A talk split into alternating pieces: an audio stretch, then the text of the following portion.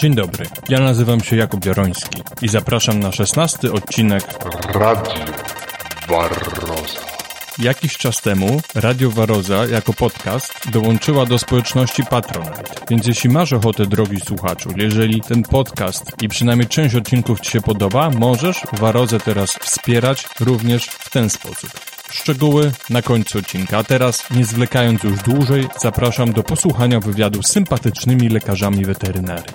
Ten odcinek jest dość wyjątkowy, dlatego że po raz pierwszy goszczę dwie osoby naraz. Dzień dobry Państwu, witam w kolejnym odcinku podcastu Radio Waroza. Dzisiaj jesteśmy w Szkole Głównej Gospodarstwa Wiejskiego w pracowni chorób owadów użytkowych. Tak? Dobrze wszystko powiedziałem? Wszystko dobrze. Goszczę panią doktor Annę Gajdę i panią magister Ewę Mazur, tak? Lekarz weterynarii. Obie panie są lekarzami weterynarii, a z tego co widziałem na Facebooku, ostatnio dostała pani odznakę. Obie dostałyśmy. Czego odznakę? Można się pochwalić. Jesteśmy urzędowymi lekarzami weterynarii w tym miesiącu akurat. A, to tylko w tym miesiącu? Tak, tak to działa. Żeby była wymiana, tak? Zasadniczo tak. Poza tym zwykle wyznaczani lekarze weterynarii, ci, którzy zwykle nie pracują w inspekcji weterynaryjnej na co dzień, czyli tak jak na przykład my, ponieważ pracujemy na uczelni, dostają wyznaczenia na przykład właśnie na miesiąc, na dwa, na trzy, w zależności od tego, ile mają czasu, bo wiadomo, że każdy ma jakąś swoją jeszcze oprócz tego pracę. Czyli są panie inspektorkami. Można tak powiedzieć. To proszę po, pokrótce powiedzieć, czym się panie zajmują, y, jak wyglądała historia tego, że zainteresowały się panie akurat pszczołami. Ja zajmuję się pszczołami od dziecka.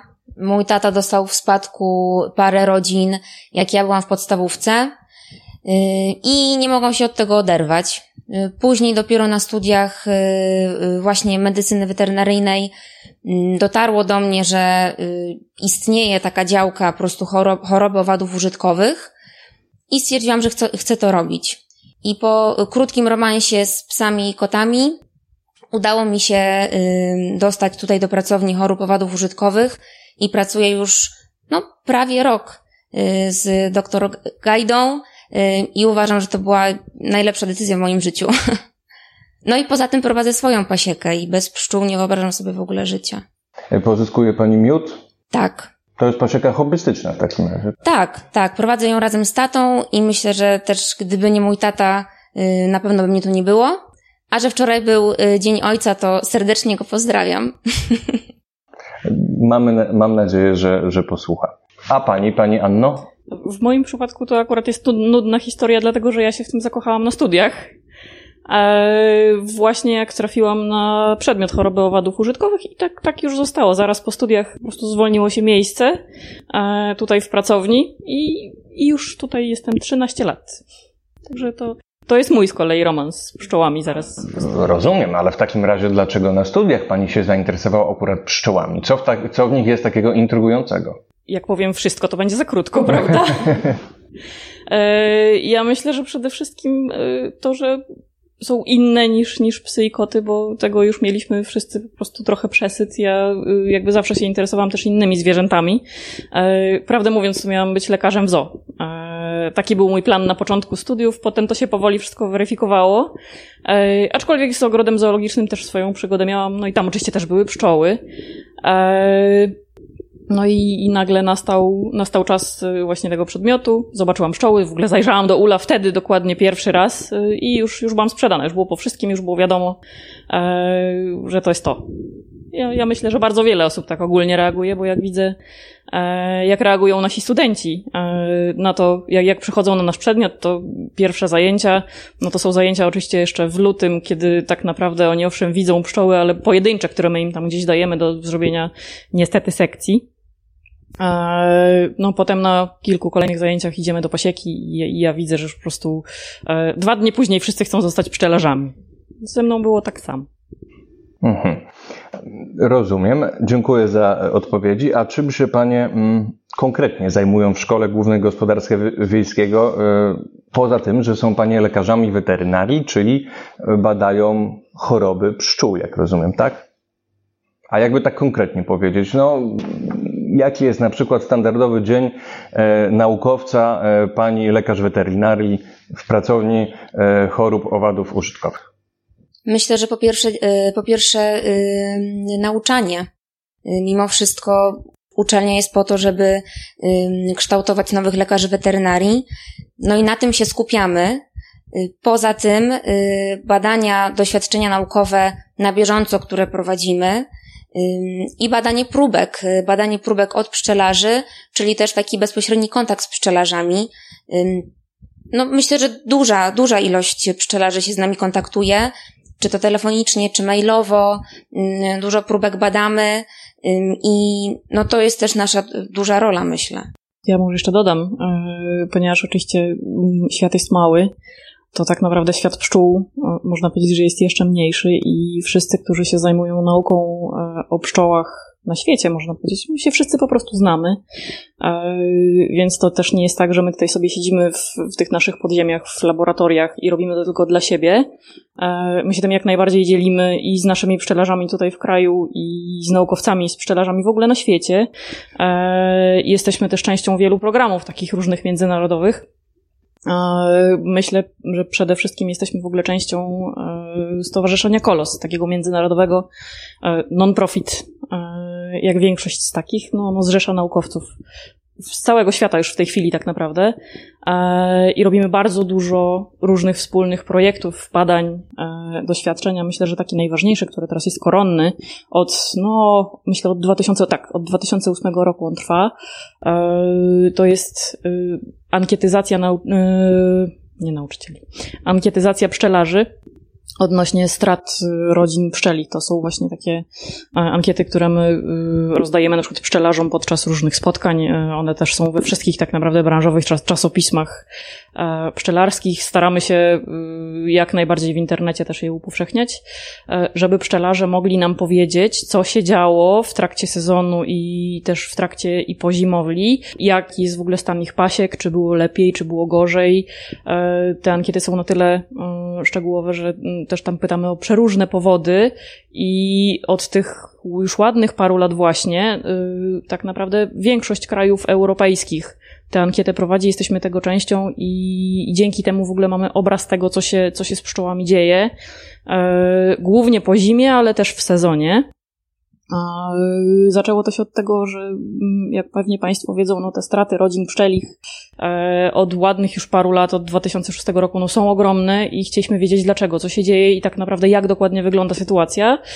I, i stąd właśnie powstał pomysł tej ankiety, ponieważ y, oczywiście są też badania terenowe, badania laboratoryjne, gdzie zbiera się próbki i tych przyczyn się szuka, ale nie wszystko da się tak naprawdę zbadać w laboratorium. Często warto zapytać pszczelarza, co on sądzi, co on widzi, bo my jako mm, lekarze weterynarii, jako naukowcy jesteśmy tam tylko w danej chwili. I my widzimy tylko stan na tą godzinę, kiedy my tam jesteśmy, czy dwie, y, a no, pszczelarz o swoich pszczołach wie bardzo dużo. Więc y, stąd te ankiety i one naprawdę co roku dają nam bardzo dużo informacji, które zresztą potem do, docierają gdzie trzeba do y, przeróżnych decydentów i dzięki temu między innymi pszczelarze potem dostają na przykład dofinansowania na sprzęt, czy, czy na, na przykład zakup matek, czy w ogóle zakup pszczół, żeby zrobić repopulacji swojej pasieki, ponieważ no, bywa, że na przykład tracą i połowę po głowie, e, że powiem, no i chcieliby dalej coś robić z tymi pszczołami, a już nie ma z czym. I po to to wszystko jest, właśnie, żeby ogarnąć sytuację i żeby jakoś temu zaradzić. W tym roku były przypadki, że pszczelarze tracili całe pasieki y, w ankiecie. Że ginęło im 20 rodzin na przykład, tak, podczas zimowli. I to już jest tragiczne. Znaczy głównie dla tego pszczelarza oczywiście, bo 20 rodzin w skali kraju to nie jest jakoś tak bardzo dużo.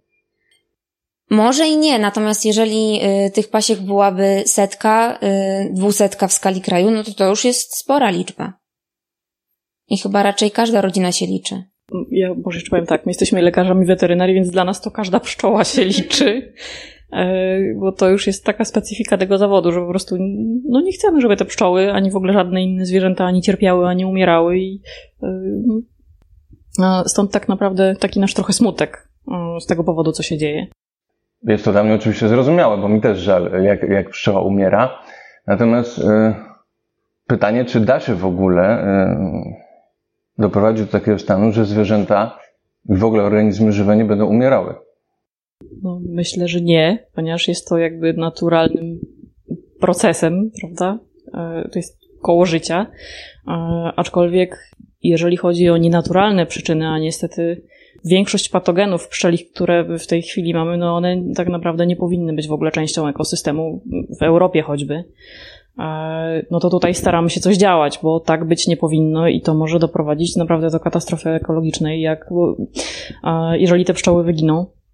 E, bo trzeba też pamiętać o tym, że tu my nie mówimy tylko o pszczołach miodnych, one mają pomoc, one mają po pomoc od nas wszystkich, od lekarzy weterynarii, od, od pszczelarzy choćby, od ludzi po prostu, które, którzy się interesują pszczołami, a mamy też jeszcze inne owady zapylające, które niestety dostają też te patogeny od pszczół miodnych i ich populacje się drastycznie zmniejszają. No i nagle jak przestajemy, przestaniemy mieć zapylacze, e, no to w pewnym momencie będziemy mieć troszeczkę problemu z, ze zdobywaniem pożywienia. Rozumiem. E, ma Pani, e, wspomniała Pani na myśli, że jak pszczoły wyginą. Czyli rozumiem, że te medialne doniesienia, że pszczoły są zagrożone, to są e, prawdą, tak czy nie? I teraz jeszcze drugie pytanie, czy mamy tutaj najczęściej na myśli pszczoły miodne, czy właśnie e, wszystkie pszczoły? W Polsce jest ponad 450 gatunków pszczół. Ja myślę, że zdecydowanie te dwa, e, te dwie grupy trzeba rozgraniczyć, ponieważ tak jak powiedziałam, pszczoły miodne mają opiekunów, dzikie pszczoły absolutnie nie. I teraz z pszczołami miodnymi problem jest skomplikowany, bo one faktycznie giną, tylko y, one są, można powiedzieć, sztucznie repopulowane przez pszczelarzy, bo pszczelarstwo stało się modne. To jest bardzo dobrze, dlatego, że, dlatego dzięki temu my w ogóle te pszczoły jeszcze mamy. Ponieważ się kupuje pakiety, kupuje się okłady, kupuje się rodziny, ciągle mm, słyszę, że ktoś chce założyć swoją pasiekę albo przed chwilą zało założył. To są zwykle młodzi ludzie i naprawdę ukłony w ich stronę, bo dzięki takim działaniom w ogóle my jeszcze tak naprawdę to pszczelarstwo mamy i mamy tyle rodzin pszczelich, bo gdyby nie to, że się pszczelarze w tej chwili pszczołami zajmują, to już by, już by ich niestety nie było. To jest wina patogenów. Nie, tu nie ma tak naprawdę gdzie szukać. E, dalej, głównie niestety to jest wina warozy e, i chorób wirusowych, aczkolwiek e, no, problem jest bardziej skomplikowany, ponieważ tych patogenów jest więcej. E, I tu bym zamknęła może e, tą sprawę z, z pszczołami miodnymi, ponieważ pszczelarze, lekarze leczą, pomagają, jakoś tam to ogarniamy, można tak powiedzieć. Natomiast y, pszczoły samotnice, choćby w ogóle wszystkie inne dzikie zapylacze, nie wiem czy wiele, wszystko jedno, one niestety zwykle są zarażane przez pszczoły miodne nawet na kwiatach. Przeróżnymi rodzajami patogenów, akurat warozą może niekoniecznie, bo tutaj dowodów jest dość niewiele. Ona nie jest jakimś strasznym zagrożeniem dla tych, dla, dla tych dzikich owadów.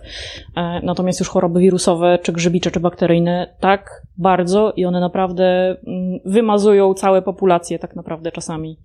E, szczególnie tam, gdzie jest przepszczelenie terenu, czyli jest za dużo pszczół i one są nie do końca zadbane. Rozumiem. E, czyli, czy dobrze zrozumiałem, stawia Pani hipotezę, że gdyby nie pomoc człowieka pszczole miodnej, pszczelarza, to pszczoły by wyginęły. Ich populacja by wymarła, tak? Może nie do końca, e, ponieważ jestem przekonana, że jakieś tam pszczoły, które sobie w pewien sposób z warozą radzą, one są. Są nawet udokumentowane przypadki, e, aczkolwiek to, co miałam na myśli, to to, że większość populacji pszczoły miodnej tak naprawdę zostałaby w zasadzie wykasowana z powierzchni Ziemi e, przez warozę właśnie. No, zostałyby tylko te, a byłoby ich naprawdę niewiele, e, które z, z, tym roztoczem sobie radzą.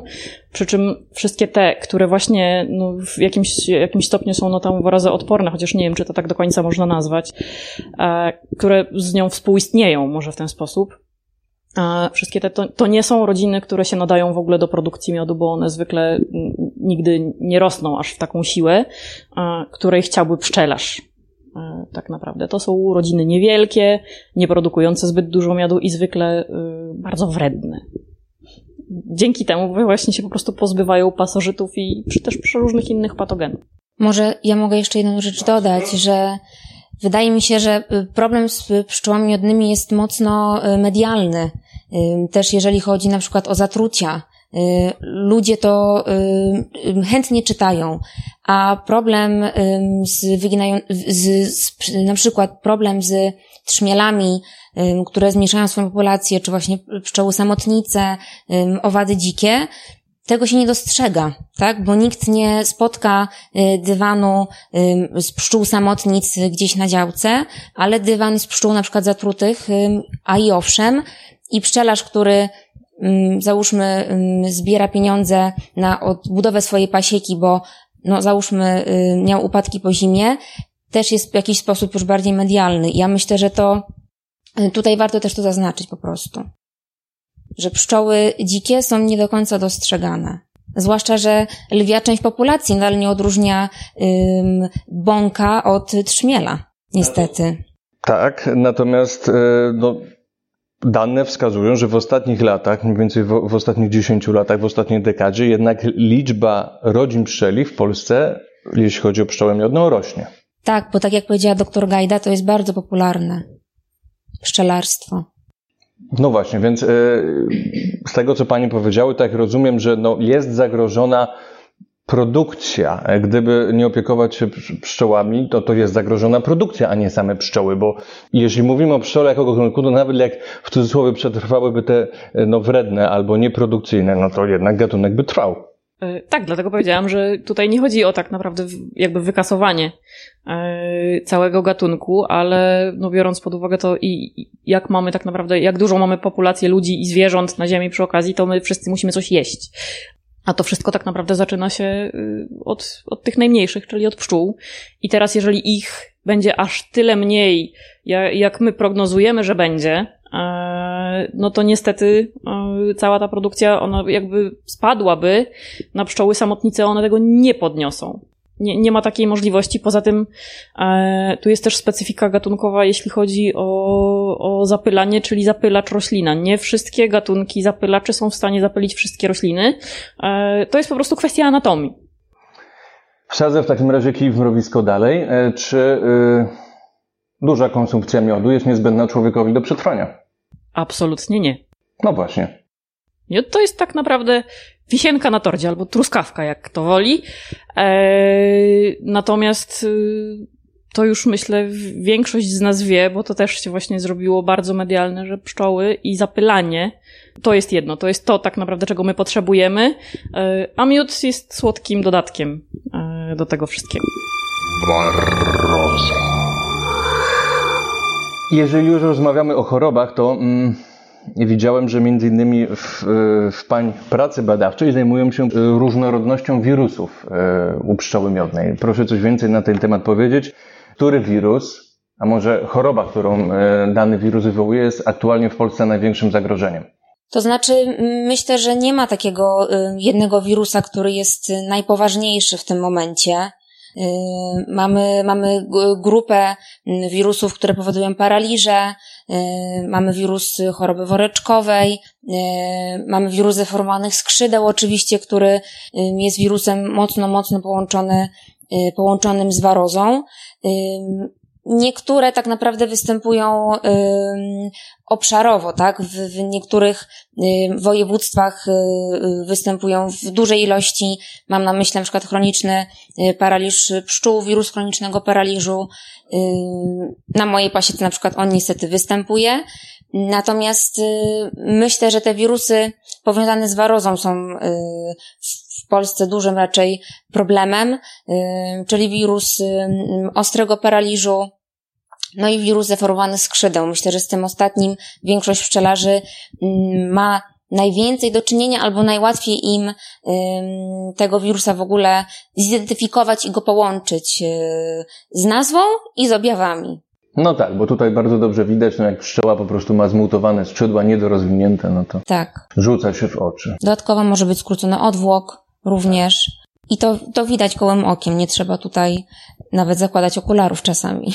Tak, ale coś więcej może na temat tej różnorodności, bo na ten temat było badanie chyba, prawda, naukowe.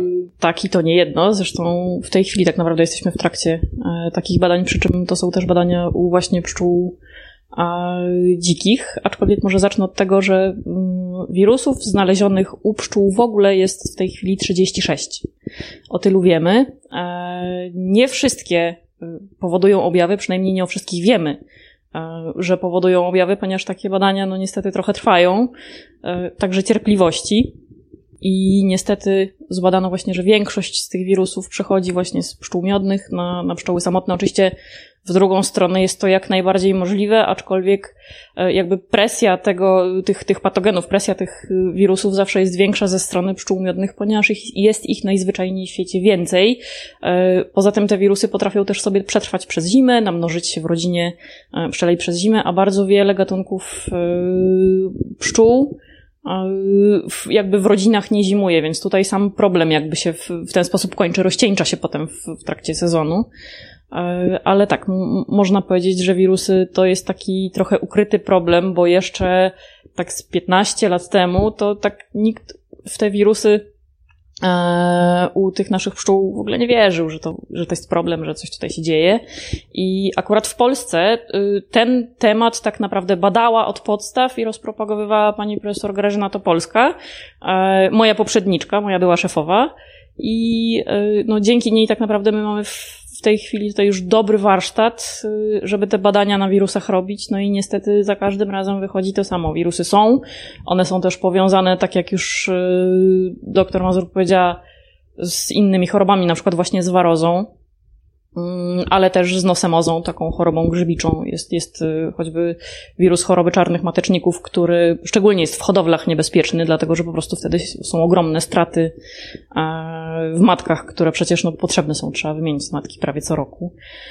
Także mówię, problem jest troszkę ukryty i czasem lekceważony, ale moim zdaniem to on jest, on jest duży. Zresztą w tym roku tak naprawdę myśmy setki próbek już y, widziały.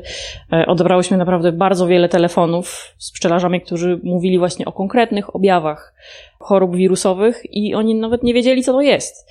Więc yy, ja uważam, że mimo, że tak naprawdę ta wirusologia pszczela w, w Polsce już od, od no, kilkudziesięciu lat łącznie e, jakoś tam się rozwija, y, to, to jest jeszcze jednak potrzeba, e, żeby to po pierwsze badać dalej, no bo wiadomo, że e, nauka też nie jest nieomylna i że zawsze jest jeszcze coś więcej do odkrycia. Poza tym trzeba też edukować pszczelarzy. Oni bardzo często zresztą e, czytają, jeżdżą na konferencje i szapoba dla takich, dlatego że oni wtedy bardzo dobrze wiedzą, jak próbkę pobrać, gdzie wysłać i wtedy im od razu wychodzi, macie to, to albo to. E, ale no niestety jest jeszcze gro takich pszczelarzy, którzy właśnie tego nie wie i oni mają wtedy niestety największe, największe straty z tego powodu, bo to nie jest oczywiste, to nie będzie waroza, to nie będzie nosemoza, z którymi oni naprawdę od dziesiątek lat już mają do czynienia, no waroza 40 lat. E, to już prawie wszyscy wiedzą, jak, jak to robić. E, jak prowadzić tą gospodarkę warozową, można tak powiedzieć. E, natomiast cała reszta chorób, no tutaj to już sprawa się staje po prostu bardziej skomplikowana. Ja pozwolę sobie postawić taką hipotezę, że wydaje mi się, że prawdopodobne jest, nawet bardzo, że wirusy były, są i będą. E, według najnowszych, ostatniej, najnowszych informacji naukowych, jakie są mi znane, to bardzo nie, niedoszacowywaliśmy w przeszłości e, egzystencji wirusów i prawdopodobnie jest ich znacznie więcej nawet niż bakterii. Trzeba powiedzieć, że razem z bakteriami są taką podstawą biosfery. Część naukowców, część biologów odmawia im bycia organizmem żywym. Chociaż ja sympatyzuję e, z definicją replikatorowej e, teorii życia. No, w, tak, w takim wypadku byłyby organizmem żywym, no natomiast nie ulega wątpliwości, że są częścią biologii, bo, no bo mają DNA, mają RNA i, i w ewolucji cały czas są w interakcji z, z takimi klasycznymi organizmami żywymi, tak? Czyli horyzontalny przepływ genów i tak dalej.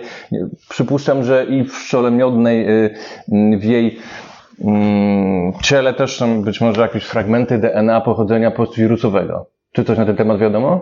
Jest takich fragmentów wiele, bo tak jak powiedziałam, w tej chwili wiemy o 36 wirusach, które się w pszczole miodnej i nie tylko namnażają, e, aczkolwiek tak, jak, tak samo jak w genomie człowieka, no takiego śmieciowego e, jakby DNA jest bardzo dużo. Tak samo jest z owadami, tak samo jest tak naprawdę chyba ze, ze wszystkimi organizmami żywymi. I my też, tak jak już powiedziałam wcześniej, nie jesteśmy pewni, co z tymi wszystkimi 36 wirusami, aczkolwiek y, myślę, że y, wszyscy naukowcy w tej chwili są tak bardzo tymi wirusami zainteresowani, że y, to się wszystko w końcu okaże, czy, czy one wszystkie faktycznie robią coś złego naszym pszczołom, czy, czy nie. Ale jeszcze wracając do tego, do tej tezy, że wirusy były, są i będą, jak najbardziej to jest teza całkowicie poprawna. Bo choćby biorąc na przykład wirusa zdeformowanych skrzydeł, on, o nim było wiadomo od dziesiątek lat przed warozą, że on jest. I że on, on jest w pszczołach. Natomiast objawy z powodu tak naprawdę obecności tego wirusa zaczęły się dopiero dokładnie wtedy, kiedy tak naprawdę zalała nas fala warozy. Wcześniej ten wirus był całkowicie e, jakby mm, nie wywoływał objawów, bo w tej chwili też nie można do, do końca powiedzieć, że mamy chorobę zdeformowanych skrzydeł, dlatego że właśnie bez warozy tej choroby nie ma, więc nie możemy wirusa bezpośrednio tak naprawdę e, jakby z e, chorobą sensu stricte powiązać. Mówimy, że to jest waroza i to jest tak naprawdę jakby pokłosie warozy. To, to, że mamy właśnie te pszczoły ze zdeformowanymi skrzydłami, to, że ten wirus w ogóle mógł się w tych pszczołach namnażać. Wydaje mi się, że to dlatego, o ile wiem, że mm, ciężar replikowania, przenoszenia się wirusa został y, przeniesiony w stronę też y, y, horyzontalnego przepływu. To znaczy waroza została jego transporterem, a to sprzyja selekcji w stronę bardziej, w stronę większej wirulencji po prostu wirusa. To znaczy tak, ale to jakby nie jest jedyna część tej układanki, ponieważ wirus jest w stanie namnażać się też w ciele dorosłych samic e, i zdarza się, że są na przykład jeszcze jakieś rodziny od tego wirusa wolne i jeżeli e, pszczelarz, który takie rodziny ma, bo bardzo sobie dobrze zawsze radził z warozą i po prostu wirus się w jego rodzinach nie namnożył. E, będzie miał sąsiada, który już z tą warozą nie radzi sobie tak do końca i powiedzmy ten, ten drugi pszczelarz, czyli ten sąsiad, będzie miał tego wirusa sporo, to y, roztocza po prostu, które będą e, migrowały do tych rodzin, bo niestety w ten sposób też waroza się roznosi, przez choćby błądzenie pszczół e, i warozy na tych pszczołach, w sensie roztoczy to już ten pierwszy pszczelarz niestety będzie miał y, tę rodzinę zawirusowaną. Poza tym, e, patrząc z perspektywy samej w ogóle pszczoły e, i roztocza, tego bezpośredniego kontaktu ślina, y, ślina roztoczy e, ma właściwości immunosupresyjne.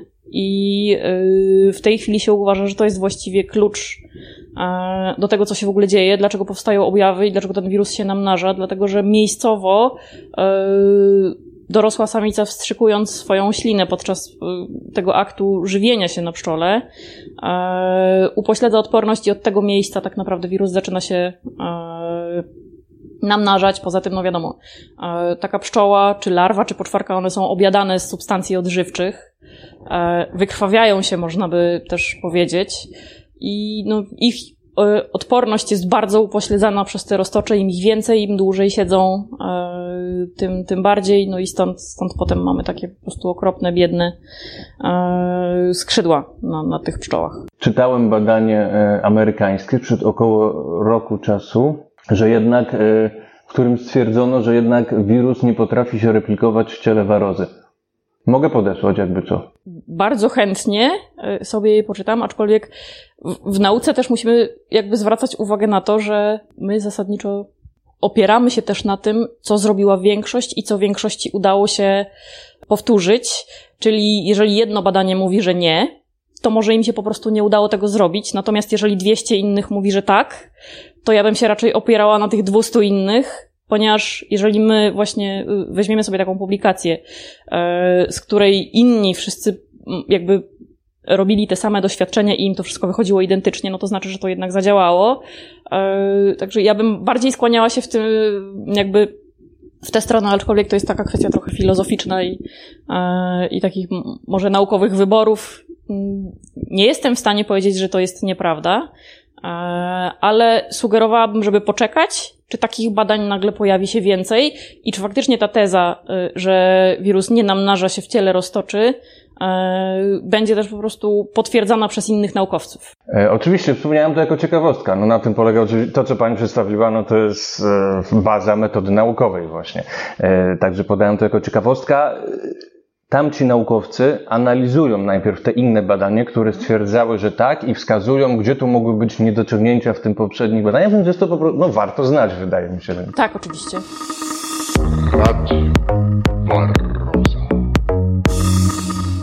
No dobrze, to jak rozumiem, ten wirus zdeformowany skrzydeł jest jedną z najgroźniejszych chorób w Polsce. I proszę mnie poprawić, jeśli jestem w błędzie, a i opowiedzieć o innych chorobach groźnych, z którymi aktualnie gospodarka e, pasieczna e, musi się mm, mierzyć. Wirus wywołany skrzydeł, y, jak, nie opisujmy go jako chorobę, tak? Tak jak doktor Gajda mówiła, Raczej to y, możemy ewentualnie nazwać y, syndromem powiązanym mocno z warozą.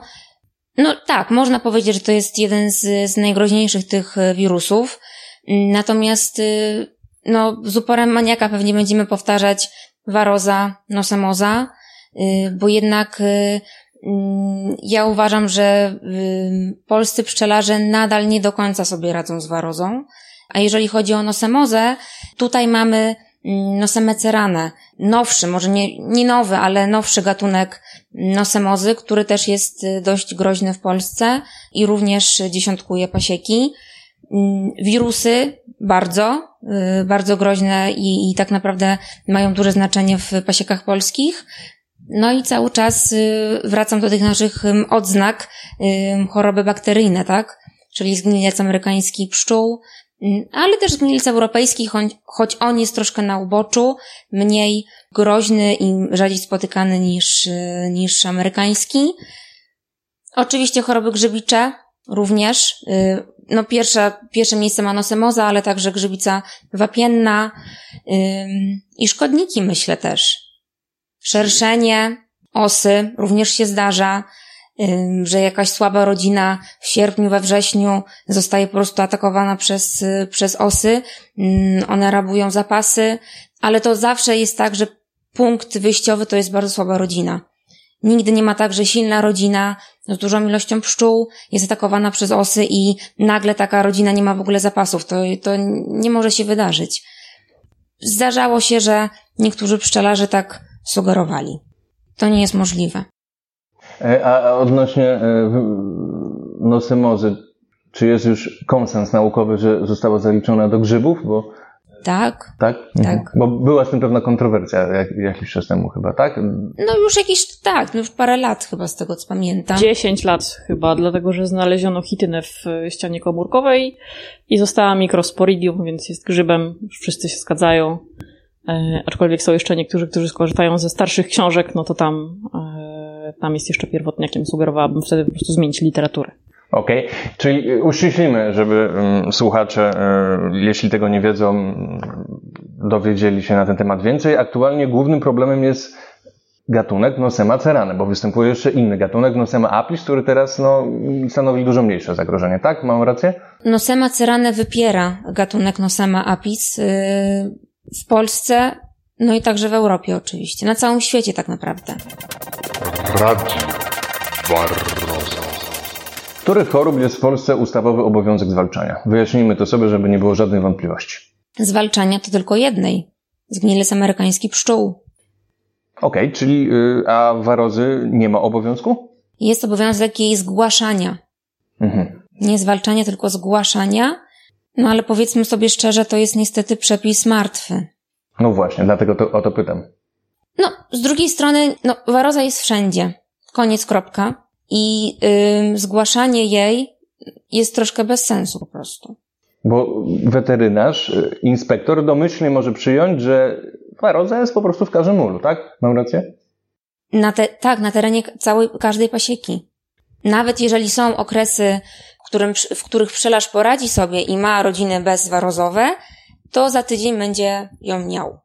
No właśnie, znaczy bezwarozowe to też prawdopodobnie oznacza, że no ma promil tej warozy, które by mogło być, bo prawdopodobnie jeden osobnik zawsze gdzieś się tam zaplącze, przetrwa w rogu ula.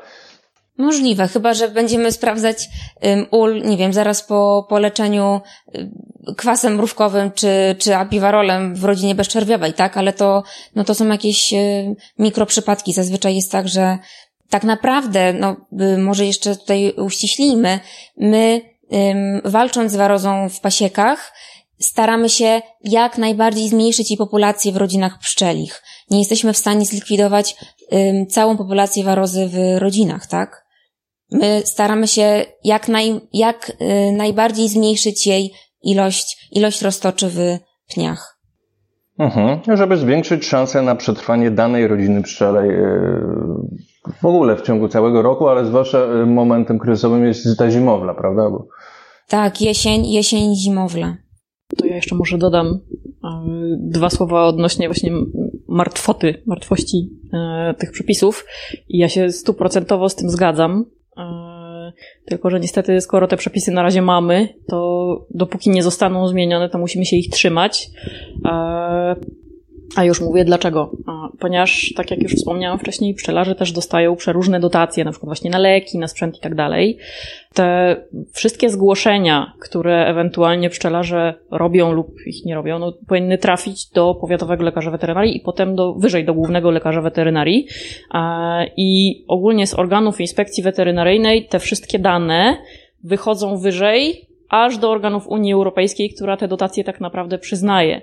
I teraz, jeżeli my nie będziemy, nie będziemy mieć takich zgłoszeń lub będziemy ich, ich mieć mało, co niestety w tej chwili ma miejsce i tutaj to wszystko już naprawdę stąpa po cienkim lodzie w tej chwili, e, to może się tak zdarzyć, że Unia powie, że no dobrze, nie, nie macie warozy, to po co wam tak naprawdę dotacje na leki? I to naprawdę jakby e, idzie w naszym kierunku, więc ja bym proponowała, żeby jednak te zgłoszenia robić, dopóki przepisy nie zostaną zmienione, a podejrzewam, że zostaną, dlatego że w tej chwili na całym świecie już jest bardzo mało miejsc, e, gdzie ten pasożyt nie dotarł i pewnie to też się zdarzy, że tam w końcu dotrze. E, I, już nie będzie sensu robić dodatkowej tak naprawdę papierologii. Czyli jak to ma, w praktyce ma wyglądać? Pszczelarz raz na rok wysyła po prostu do powiatowego lekarza weterynarii pismo, że stwierdza obecność warozy destruktor, ja lubię polską nazwę dręcza pszczelego wólu, tak? Można tak. Tak naprawdę takie zgłoszenie może być nawet telefoniczne, ustne, wszystko jedno. Jest to zawsze forma z, zgłoszenia i tyle. I, I powiatowy lekarz weterynarii sobie po prostu wpisze go na listę i potem te listy trafiają, tak jak powiedziałam, wyżej. Radio Barroso. Kto decyduje, jakimi lekami powinno się leczyć pszczoły? E, to jest trudne pytanie, bo jest bardzo ogólne, ale zacznijmy może od takich kwestii prawnych. Te leki, które w tej chwili mamy zarejestrowane e, dla pszczół do leczenia, o tym decyduje Urząd Rejestracji Produktów Leczniczych i Europejska Agencja Leków. To są takie dwie instytucje, które tutaj wydają decyzje, czym można. One wydają te decyzje na podstawie naprawdę bardzo wielu serii rzetelnych badań, takich dość wielokierunkowych, czy w ogóle to zadziała. To jest po pierwsze, a po drugie, czy nie zrobi krzywdy. Oczywiście y, inicjatywa, można powiedzieć, jest y, w pewnym stopniu też oddolna, dlatego że no przecież są naukowcy, są pszczelarze, którzy widzą, że coś tam ma efekt. Badamy to i my, tak naprawdę, w sumie świat nauki zgłasza e, te pomysły, które myśmy już w jakimś tam stopniu przebadali, że tutaj może coś się dziać, tak jak było właśnie z chlorkiem litu, co potem umarło śmiercią naturalną, mam nadzieję chociaż jeszcze w świecie pszczelarskim trochę to pokutuje, ale wolałabym nie, bo to jest bardzo niebezpieczna sprawa i okazało się, że y, chlorek litu jest też szkodliwy i dla pszczół, i dla czerwi, więc po prostu nie ma sensu. Owszem, jest też szkodliwy dla warozy, ale tutaj y, to jest taka trochę skórka za wyprawkę.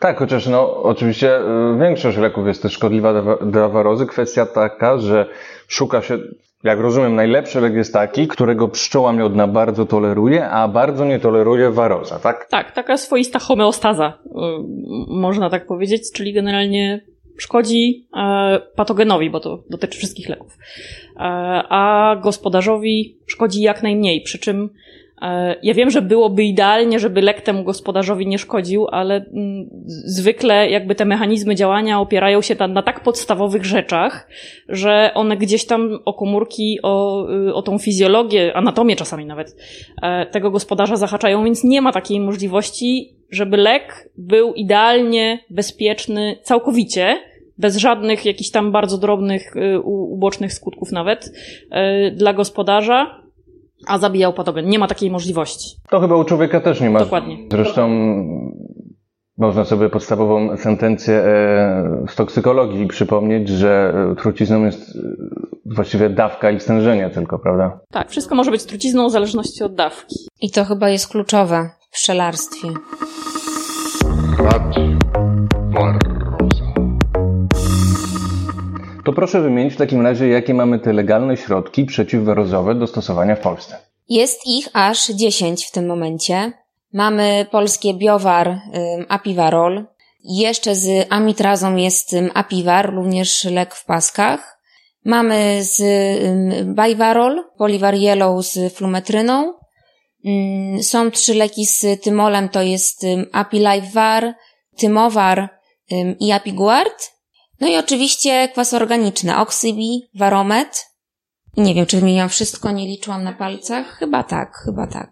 Mm, to czy można stosować e, kupowany kwas jako substancja w roztworze osobno e, w hurtowni chemicznej, np. kwas mrówkowy, kwas mrówkowy, czy nie? Nie. A tymo też nie, jak rozumiem w takim razie. Nie, bo mamy zarejestrowany lek do stosowania do użytku u pszczół, u pszczoły miodnej i y, zgodnie z kaskadą leków, jeżeli mamy zarejestrowany lek dla danego gatunku z daną substancją czynną, to lekarz weterynarii y, musi użyć tego leku. Dopiero jeżeli zgodnie z kaskadą nie byłoby takiego leku mm, dla danego gatunku albo dla gatunku pokrewnego, to ewentualnie mógłby użyć tej substancji czynnej z innej grupy leków, tak? Okej, okay, ale czy w takim razie no, kupowane mm, kwasy jako osobne substancje w roztworze są stosowane w Polsce? Wiem. Czy są w takim razie w praktyce stosowane? No bo... W praktyce oczywiście, że tak.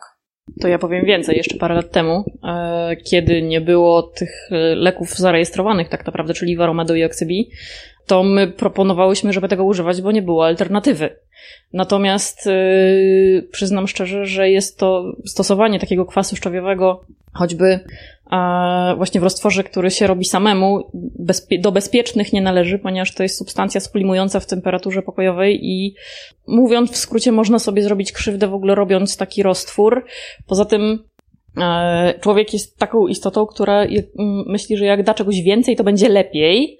E, I niestety przez właśnie e, takie sytuacje często zdarza się, że na przykład pszczoły zostają poparzone, że nie wiem, ogłębiają matkę, że ona przestaje czerwić, bo chcieliśmy zrobić lepiej, żeby bardziej zabić e, roztocze, no i niestety to się źle kończy dla rodziny, po to w ogóle wszystko, y, wszystkie te rzeczy, które my dajemy do ula, e, wszystkie te leki, one no, przechodziły tyle badań, żebyśmy my wiedzieli, że po prostu dajemy je w sposób bezpieczny. E, a takie samoróbki, jak ja to lubię nazywać, no w większości przypadków to niestety Czasem krótkoterminowo dają jakieś tam efekty właśnie w postaci tego, że się na przykład rodzina osypie. E, w większości niestety to są efekty długoterminowe, więc pszczelarz tego nie widzi, nie zdaje sobie z tego sprawy, a jakieś tam konsekwencje tego są często też zresztą dla konsumentów. No bo praktyka jest taka, wchodzę sobie na YouTube, wpisuję kwas mrówkowy mm, pszczoły i w 90% wyskakuje mi właśnie leczenie tymi środkami, które wymieniłem. I osoby pokazują się swoją twarz, y, mówiąc, nie wstydzą się swojego nazwiska. Już mówię, e, skąd to wynika, ponieważ w tej chwili tak naprawdę e, w teorii prawo mówi jasno, że nam po prostu tych środków, y, substancji chemicznych nie wolno używać, które są poza e, już tymi zarejestrowanymi lekami, Aczkolwiek y, jakby tych aktów prawnych jest kilka, ja już teraz może nie będę się rozwodzić na ten temat, one delikatnie się rozjeżdżają w swoich opiniach i to jest taki malutki kruczek prawny, dzięki któremu jeszcze w ogóle takie rzeczy robić można i jakby nikt za to do więzienia nie pójdzie. E, I, i, i stąd tak naprawdę tacy, tacy odważni, aczkolwiek ja zawsze odradzam, bo jak już mamy coś, co jest gotowe, no nie stosujemy tego 15 razy w roku. Stosujemy e, zwykle jakiś tam jeden lek, jeden lek raz w roku, żeby też cały czas się nie powtarzać, żeby się, żeby się patogeny nie, nie przyzwyczaiły. No to ja już sugeruję, żeby stosować to. Zresztą one mają zwykle też opracowane bardzo dobrze sposoby podania. Jest to też czasem właściwie w większości przypadków no, spore ułatwienie dla pszczelarzy, bo nic nie trzeba rozpuszczać, zwykle już jest butelka, podziałka, dawka, wszystko jest zrobione e, i naprawdę szkoda eksperymentować na pszczołach. Jest jeden argument. Cena. No właśnie. Spróbujmy wejść teraz e, w rolę diabła, jak to się mówi. No tak. E, I ja jak najbardziej też wolę kupić coś, co jest tańsze, ale to nie, nie zawsze znaczy, że jak coś jest tańsze, to jest lepsze. I ja tak właśnie uważam, no, leki to są leki i ja na przykład, no sama bym tutaj y, jakiegoś tutoriala z YouTube'a y, nie wzięła i nie zaczęła się leczyć na, nie wiem, zapalenie zatok, bo ktoś powiedział, że można na przykład sobie zrobić jakiś wyciąg z czegoś i będzie fajnie. Ja bym tak ze sobą nie eksperymentowała, więc teoretycznie ze zwierzętami, y, które mam pod opieką, to tym bardziej nie, bo ja jestem jako pszczelarz za nie odpowiedzialna.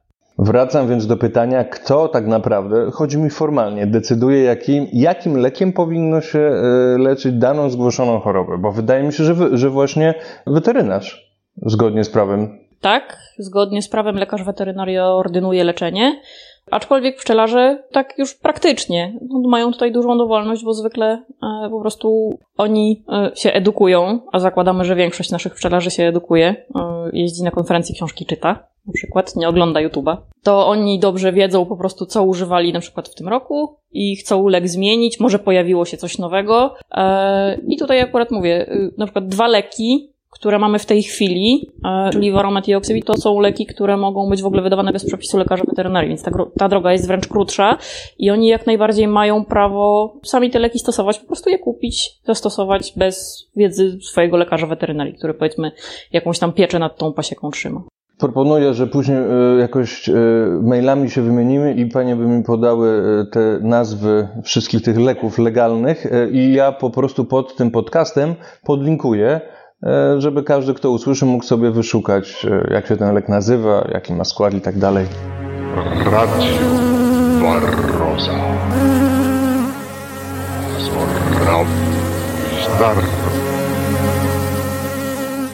Wyjaśnijmy to sobie konkretnie, żeby nie było też wątpliwości, czy można stosować antybiotyki w Polsce do leczenia chorób bakteryjnych pszczół. Każdy lekarz weterynarii, który zajmuje się pszczołami, wie, że to jest droga donikąd. Po pierwsze, y, bo nie mamy tak naprawdę określonych tak zwanych MRL-i, czyli y, no, ilości substancji, która może pozostać w, w środowisku ula, y, jeżeli chodzi o antybiotyki. Tak naprawdę nie wiemy, jak ta substancja się rozkłada w wosku, w miodzie. Wiemy, że pszczoły tak naprawdę stare fragmenty wosku mogą zgryzać, dokładać go y, do nowej woszczyny i tak dalej, więc to wszystko krąży również z propolisem. I tak naprawdę choroby, które są u nas w Polsce bakteryjne, można zwalczać bez użycia tych leków, które są tak naprawdę skrajnie niebezpieczne. Wystarczy tak naprawdę iść zgodnie z, z wytycznymi i zgodnie z tym, co lekarz weterynarii zaleca i naprawdę można y, z tymi chorobami po prostu wygrać. To znaczy, ma Pani na myśli prewencję? Po pierwsze tak, po pierwsze tak. A jak już się pojawia infekcja? To musimy y, jakby mm, działać zgodnie z wytycznymi lekarza weterynarii no, powiat, y, urzędowym lub powiatowym w tym momencie.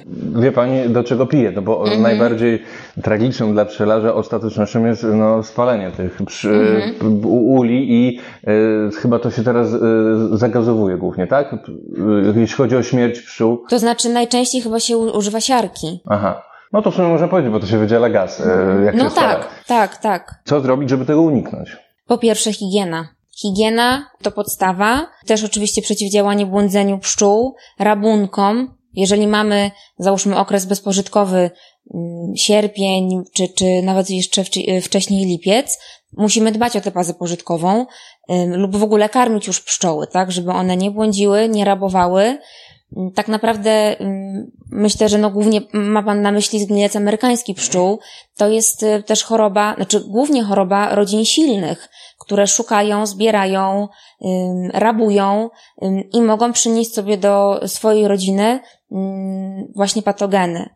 I ilość y, w końcu tej bakterii jest tak duża, że przełamuje po prostu barierę odporności. Okej, okay, ale no mimo wszystko pojawiła się infekcja i trzeba coś z tym zrobić. I teraz, jak rozumiem, lekarz weterynarii może mimo wszystko podjąć decyzję o leczeniu antybiotykiem, tak? Jeżeli y, lekarz weterynarii no, zna się na pszczołach, to nigdy tego nie zrobi, bo nie ma to, do, do nikogo nie prowadzi. Czyli w praktyce aktualnie tych antybiotyków się nie stosuje? Nie. Ja jeszcze dodam jedną rzecz. Prawo weterynaryjne właśnie mówi o tym, że jest kaskada i jeżeli nie ma innej moż- możliwości, to teoretycznie e, antybiotyki można, ale jest jeszcze nad tym wszystkim prawo unijne, które mówi, że antybiotyków u pszczół stosować nie można. E, a my tego, tego też musimy się trzymać, bo w sumie to jest dla nas prawo nadrzędne. Poza tym jest jeszcze kwestia tego, że e, Penibacillus larvae, czyli bakteria, która z gnilca amerykańskiego, bo o tym w zasadzie rozmawiamy w tej chwili, wywołuje, to jest bakteria przetrwalnikująca, a w tej chwili na Ziemi jeszcze nikt nie wymyślił antybiotyku, który na przetrwalniki działa. Więc jeżeli podamy antybiotyk takiej rodzinie, to jedyne co zrobimy, to przytłumimy objawy i to będzie na chwilę. Dlatego, że te przetrwalniki w milionach jak nie miliardach tak naprawdę, już w tej rodzinie są i w momencie, kiedy my antybiotyk odstawimy, to one wykiełkują i choroba zacznie się od nowa.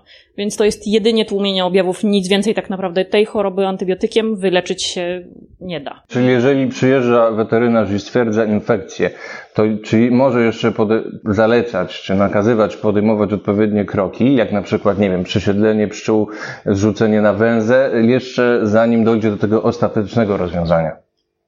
E, Tak, jak najbardziej. I takie rozwiązanie się praktykuje bardzo często zresztą, dlatego że jeżeli pszczelarz widać, że dobrze prowadzi tą pasiekę, higiena jest bardzo pięknie zachowana, ogólnie e, wie co robi i powiedzmy ma jakieś bardzo delikatne objawy, powiedzmy kilka komórek, bo niestety jak, jak jeździmy po pasiekach i sprawdzamy, to sprawdzamy każdą jedną komórkę z zasklepionym czerwiem.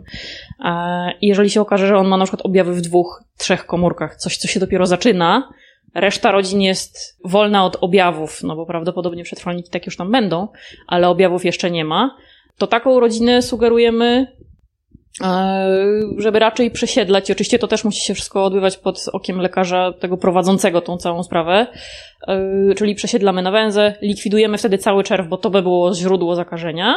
I zakładamy, że zmniejszymy liczbę przetrwalników tak bardzo, że choroba się znowu nie zacznie. Oczywiście po sześciu tygodniach, albo nawet czasem dłużej, e, sprawdzamy ponownie, czy nie ma objawów. Jeżeli nie ma, no to w porządku. Jeżeli są, to niestety taką rodzinę się likwiduje.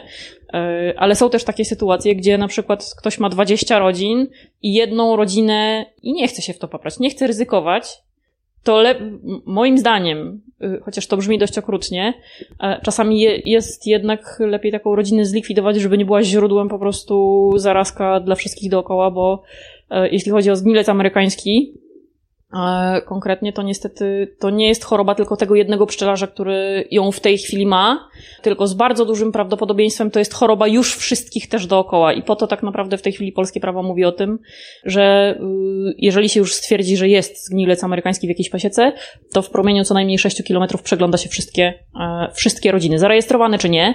I zwykle się niestety kolejne ogniska znajduje, bo tak, tak ta choroba działa, także tutaj mm, no nie można być samolubnym, bo trzeba też pomyśleć o tym, że to jest też u sąsiada i u jeszcze jego sąsiada i jego sąsiada.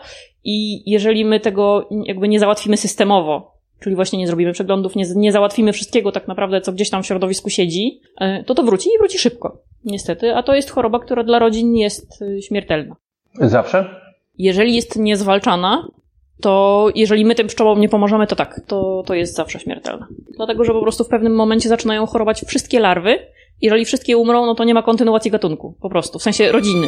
Barroza.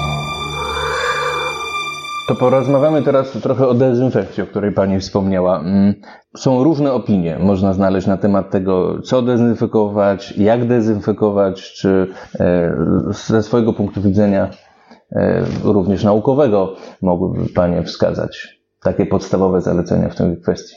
To znaczy, myślę, że y, bardzo ważną kwestią, którą y, musimy tu wyjaśnić, podkreślić, i myślę, że się obie z tym y, zgadzamy z razem z doktor Gajdą, to to, że bez przygotowania powierzchni do dezynfekcji nie mamy co w ogóle zaczynać. Czyli oskrobanie wszystkich ramek, części korpusów, dennic, daszków, powałek i tak dalej, z resztek wosku, propolisu, y, to jest podstawa. Jeżeli nie ściągniemy tej warstwy propolisu i wosku, nasze opalanie uli drewnianych, czy y, mycie powierzchni roztworem podchlorynu sodu, czy roztworem sodu, NaOH, tak, sody kaustycznej, nie będzie miało do końca sensu i ta skuteczność będzie zdecydowanie zmniejszona. A spotkałam się z, tak, z takimi opiniami, że nie trzeba ym, ramek czy korpusów oskrobywać. A trzeba.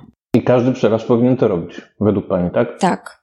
Czyli mamy tak, opalanie uli, oczywiście bez pszczół, to wi- wiadomo, żeby No, ktoś nas źle nie oczywiście. zrozumiał. E, I jakie jeszcze metody? Dezynfekcji. Dezynfekcji. No po pierwsze oskrobać wszystko. Jeżeli mamy elementy drewniane, to palnik, y, po prostu ogień, po prostu ogień. Y, Czy to będzie palnik gazowy, czy to będzie y, jechać słomy, no to już jakby dowolnie jak pszczelarzowi jest No wygodniej. tak, ale wie, wiechać słomy chyba jest troszeczkę bardziej niebezpieczny, poza tym no, nie da się tak długo, przytrzymać. No tak, tak, ale, ale no też jest taka opcja. Może niektórzy, niektórzy by tak chcieli. No to elementy drewniane, chyba tak, tak jest najlepiej. A, a, no, ale a jeśli ul styrodurowy albo No tak, poliuretany i tak dalej, styropianowe. No tutaj już substancje chemiczne, czyli podchloryn sodu, no lub soda kaustyczna NaOH. Y, Z nią oczywiście ostrożnie, ponieważ jest to substancja żrąca, silnie wy- wydzielająca ciepło i jej opary są naprawdę mocno szkodliwe dla oczu, rąk. No, można się łatwo oparzyć. I zawsze elementy uli, które są odkażane sodą kaustyczną, trzeba koniecznie zneutralizować roztworem octu na zasadzie przeciwieństwa i zlać porządnie wodą. Okej, proszę pozwolić mi wsadzić kolejny kij w mrowisko. No bo tutaj, jak rozumiem, jest zaufanie do pszczelarza, że potrafi. Ma na tyle wiedzy chemicznej, takiej chyba, którą się w podstawówce uczymy, że potrafi sobie zrobić e, bezpieczny roztwór e, wodorotlenku sodu, sodu żrącej, który e, podczas rozcieńczania, a mówię to dlatego, że jestem foto, fototechnikiem, fotochemikiem też, no, wydziela dosyć dużo ciepła. I tutaj jakby ufamy, że przeciętny pszczelarz będzie to umiał zrobić dobrze, a w przypadku no, rozcieńczenia kwasu szczawiowego czy mlekowego, który no, nie jest aż tak biobójczy, już nie ufamy. To znaczy tak, po pierwsze soda y, kaustyczna nie służy do leczenia pszczół, tak? Nie stosujemy jej w środowisku ula, gdzie są pszczoły żywe. Chodzi mi teraz o bezpieczeństwo człowieka, pszczelarza rozrabiającego ten roztwór. To znaczy myślę, że nie możemy y, aż tak bardzo demonizować NaOH, ponieważ jest to zwykły kret, który w większości domów y, jest obecny i myślę, że no, większość Polaków y, ma kreta w domu po prostu, a to jest nic innego jak y, techniczna, te, te, techniczny NaOH. Ym, I no, ktoś, kto ym, potrafi czytać instrukcje z, ze zrozumieniem, jest w stanie założyć sobie y, długi rękaw, rękawiczki gumowe, zwyczajne rękawiczki gumowe, to nie muszą być jakieś mm, nie wiem, pancerne, y, spawalnicze rękawice, jest, y, jest, jest w stanie za, za, zakryć swoje oczy, odmierzyć sobie odpowiednią ilość i po prostu ten roztwór zrobić. Myślę, że to nie jest y, jakaś strasznie niebezpieczna rzecz. Oczywiście trzeba za, wszystkie środki ostrożności zachować, dlatego, dlatego po prostu o tym mówię, bo myślę, że to jest dość ważne. Rozumiem. Pójdźmy dalej z tą ogólnie higieną, bo dezynfekcja łączy się z higieną. To jeszcze jakie metody higieny by Pani polecała pszczelarzom, takie bazowe? To znaczy, y, warto na pewno y, dezynfekować takie podstawowe akcesoria pszczelarskie. Dłuto, szczoteczki, y, na bieżąco nawet między przyglądami y, każdego ula je sobie dezynfekować.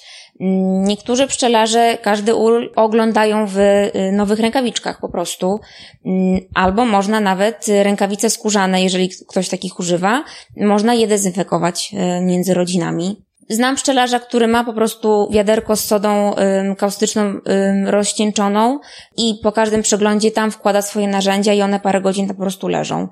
No, wszystko zależy też od materiałów, ale można to robić. Ym, Poza tym powinniśmy też uważać na to, żeby nie kłaść e, naszych akcesoriów pszczelarskich, czy korpusów, y, czy nadstawek na ziemię. Ym, Mieć dodatkowy jakiś stojak na, na to, żeby tam je odkładać, tak? zorganizować sobie przestrzeń, jakiś magazyn, żeby to y, no, nie leżało wszystko porozwalane gdzieś po całej pasiece, żeby mm, ścinki wosku od razu trafiały do topiarki. No i takie nawyki, szukać takich nawyków, tak? Dezynfekować, oskrobywać.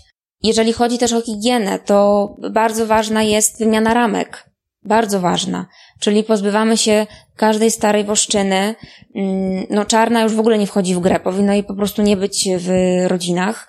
Takie bardziej brązowe plastry, ym, już paroletnie, czy, czy nawet, no nie wiem, roczne, tak? Warto po prostu wymieniać. Dążymy do tego, żeby w rodni w trakcie sezonu, no co najmniej 80%, a najlepiej 100% plastru wymieniać na węzę. Rozumiem. E, Czy to są takie zalecenia, do których e, dobrze by było dążyć, ale wiedząc, gdzieś mając z głowy, że prawdopodobnie nie, nie damy zrobić ich wszystkich, czy takie, które rzeczywiście się powinno bezwzględnie robić, dlatego że y, przyznam szczerze, że fragmentami to zabrzmiało dość utopijnie, zwłaszcza na przykład z tym stawianiem korpusów na ziemi i tak dalej, no też wystarczy sobie wejść, prawda, na YouTube i, i zobaczyć, że, to, że no chyba niewiele pszczelarzy będzie to tak ściśle przestrzegało. I, i też zastanawiam się, czy no taki pszczelarz zawodowy, który na przykład tak szybko pracuje, no ta praca przypomina w sumie trochę taką e, pracę fabryczną momentami, czy będzie w stanie to wykonywać. Mm. To znaczy, według mnie to są nawyki, e, do których trzeba dążyć i, znaczy to musi być. To nie jest moim zdaniem utopia, to po prostu musi być. Koniec, kropka. Jeżeli ktoś uważa, że nie da rady tego robić, to niech sobie poszuka zajęcia, które jest mniej czasochłonne. Niestety. I to są rzeczy, które ich można się nauczyć, tak? Zdejmujemy daszek. Co robimy z daszkiem? Przewracamy na drugą stronę i mamy już miejsce, gdzie można postawić korpus, tak? Po prostu.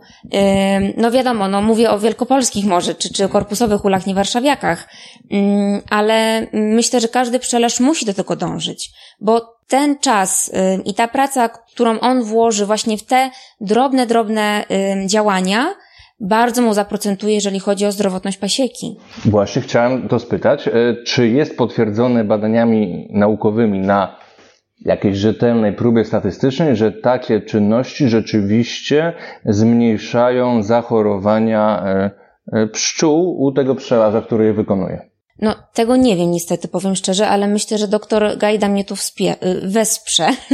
To ja teraz zrobię trochę prywaty, ponieważ w naszej ankiecie nawet jest pytanie, o to, czy się wymienia i mniej więcej jaki procent e, ramek na węzę e, w ciągu roku. I co roku tak naprawdę wychodzi, ja wiem, że to są badania ankietowe, aczkolwiek takie badania też są poparte jakby badaniami terenowymi, jednak pszczelarze, czyli którzy trzymają tą higienę, a dla mnie właśnie ta wymiana ramek i dezynfekcja coroczna to jest absolutna podstawa, wychodzi na to, że oni straty rodzin pszczelich zawsze mają mniejsze, a w Zależy też od roku, od sezonu. E, bywa, że tacy, którzy wymieniają 100% ramek na węzę, mają tak naprawdę straty zerowe, że wszystko im przeżywa. Więc y, badania naukowe na ten temat jak najbardziej są. Y, stąd my też y, zawsze wszystkim pszczelarzom powtarzamy i też się pytamy, jak, jak już widać, że jak, jakaś jest choroba w rodzinie, jak już jakieś próbki na przykład też dostajemy, czy gdzieś jedziemy, coś patrzymy, że jest nie tak z tą rodziną, to jednym z podstawowych pytań jest właśnie dezynfekcja, wymiana ramek, no i oczywiście walka z warozą, ale to już nie a propos, nie, nie a propos higieny. Natomiast a propos metody naukowej, wydaje mi się, że należy tu zwrócić jednak uwagę na słabość metody ankietowej. No bo jednak pszczelarz ma predylekcję, moim zdaniem, do zmniejszania swoich strat wystarczy popsuwać forum, prawda, że no generalnie jest, to jakiś wstyd dla pszczelarza, że mu padło dużo rodzin i pszczelich i tak dalej. To, to podobnie jak na przykład w badaniach dietetycznych. Są tacy sceptycy naukowi, którzy stwierdzają, że nie do końca to jest nauka, dopóki te badania opierają się na badaniach ankietowych, czyli ktoś ma przestrzegać jakieś diety przez miesiąc i no wstydzi się tego, że jednak jej nie przestrzegał i nie umuje, nie umuje tego w ankiecie po prostu, tak? E, no tak, oczywiście. E, przy czym po pierwsze nasza ankieta oczywiście jest anonimowa, więc e, tutaj ten, ten czynnik, że ktoś się będzie wstydził potem mi spojrzeć w oczy, jak się spotkamy, to zupełnie odpada, bo my po prostu nie mamy pojęcia, kto to przysyła. Zresztą to jest wszystko i tak potem kodowane. To jest pierwsza rzecz. Poza tym badania terenowe czy laboratoryjne w takiej kwestii oczywiście były robione i one tak naprawdę to wszystko potwierdzają, ale wiadomo, że tak naprawdę to się wszystko spina w rzetelną wiedzę tylko wtedy, kiedy my mamy, że tak powiem, y, to coś z terenu, to co, to co mówią, robią pszczelarze i to co my sprawdzamy w laboratorium, y, to ja bym powiedziała, że to dopiero jest tak naprawdę pełny obraz, więc y, jak najbardziej ze wszechmiar myślę. To już było sprawdzane. I, I tak, no, potwierdza się, ale to chyba nie tylko u pszczół, no, higiena ogólnie u ludzi też kiedyś, prawda, nie było, nie wiem, 200 lat temu yy, takiej presji, żeby ręce myć, żeby, i, i wiadomo jak było, prawda. Tutaj problem jest w tym, że prawie wszystko to, z czym my w tej chwili walczymy, to są nowe patogeny, choćby waroza czy nosemoza. E, I niestety, jeżeli my w tym momencie tak naprawdę no, w kwestii akurat nosemozy tutaj zaprzestaniemy z tą dezynfekcją, to nie wytworzy się odporność, dlatego że to jest tak bardzo zjadliwy patogen, że on po prostu te wszystkie rodziny zabije. E, I nie ma innej możliwości tak naprawdę. Zajmie mu to krócej lub dłużej, dokładnie tak samo jak z warozą, ale on, to, on te rodziny po prostu zabije i, i tu nie będzie miało się już w czym e, tak naprawdę nic wytworzyć, żadna odporność. Może spróbujemy z porównaniem. Załóżmy, że jest właściciel psa który tego psa kocha, ale żeby ten pies miał y, super odporność na wszystkie choroby, na parwowirozę, nosówkę w ogóle i tak dalej, to nie pierze mu w ogóle posłania, y, nie kąpie go, daje mu jedzenie z brudnych misek. No, nie do końca o niego dba, ale załóżmy, że to jest y, w, w, z dobrym, że tak powiem, z dobrymi intencjami, no to można to przełożyć również na rodzinę pszczelą, tak? Pszczelarz, który wymienia ramki na węzę, dezynfekuje swoje akcesoria, oskrobuje dennice czy korpusy z propolisu, nic tym pszczołom nie zabiera. One cały czas przecież mają kontakt z całym środowiskiem. Lądują też niekiedy na ziemi, z tej ziemi później podlatują do ula i cały czas tworzą swoje to mikrośrodowisko, propolisują w trakcie sezonu wszystkie ramki, korpus, i ja bym nie porównywała tego do wyjaławiania czy do y, pozbywania pszczół kontaktu z, z patogenami i tak. Muszę tutaj zaprotestować. No jednak e, zdejmowanie propolisu ze wszystkiego jest e, pozbawianiem pszczół czegoś. Ale ja mówię o zdejmowaniu propolisu i wosku z korpusów, które dezynfekujemy. Są wycofane po sezonie, na przykład nie od dnie. Okay. I wiemy, że w, w przyszłym sezonie na przykład y, postawimy je na inne rodziny. Więc to nie jest oskrobywanie korpusu w trakcie sezonu, tylko wycofywane już jakby z, z, z sezonu do pracowni, tak? Okay. Albo na przykład jak dezynfekujemy po zimie e, dennice, one również powinny być oskrobane i zdezynfekowane i postawione na nowo. Ale później nikt w kwietniu, w maju, w czerwcu nie robi tego ponownie, tak? W ten sposób. Okej, okay, a boczne ścianki i ramki, które są e, zajmowane przez pszczoły w rodzinie aktualnie żyjącej w tym ulu. Mm -hmm. Mo, mo, nie muszą być oskrobowane, nie. tak? No jedynie, jeżeli nam, nie wiem, przeszkadza to położenie kraty odkładowej, tak? No to wiadomo, że nie tego nie zostawi, ale poza tym tu nie widzę do końca sensu. Mhm.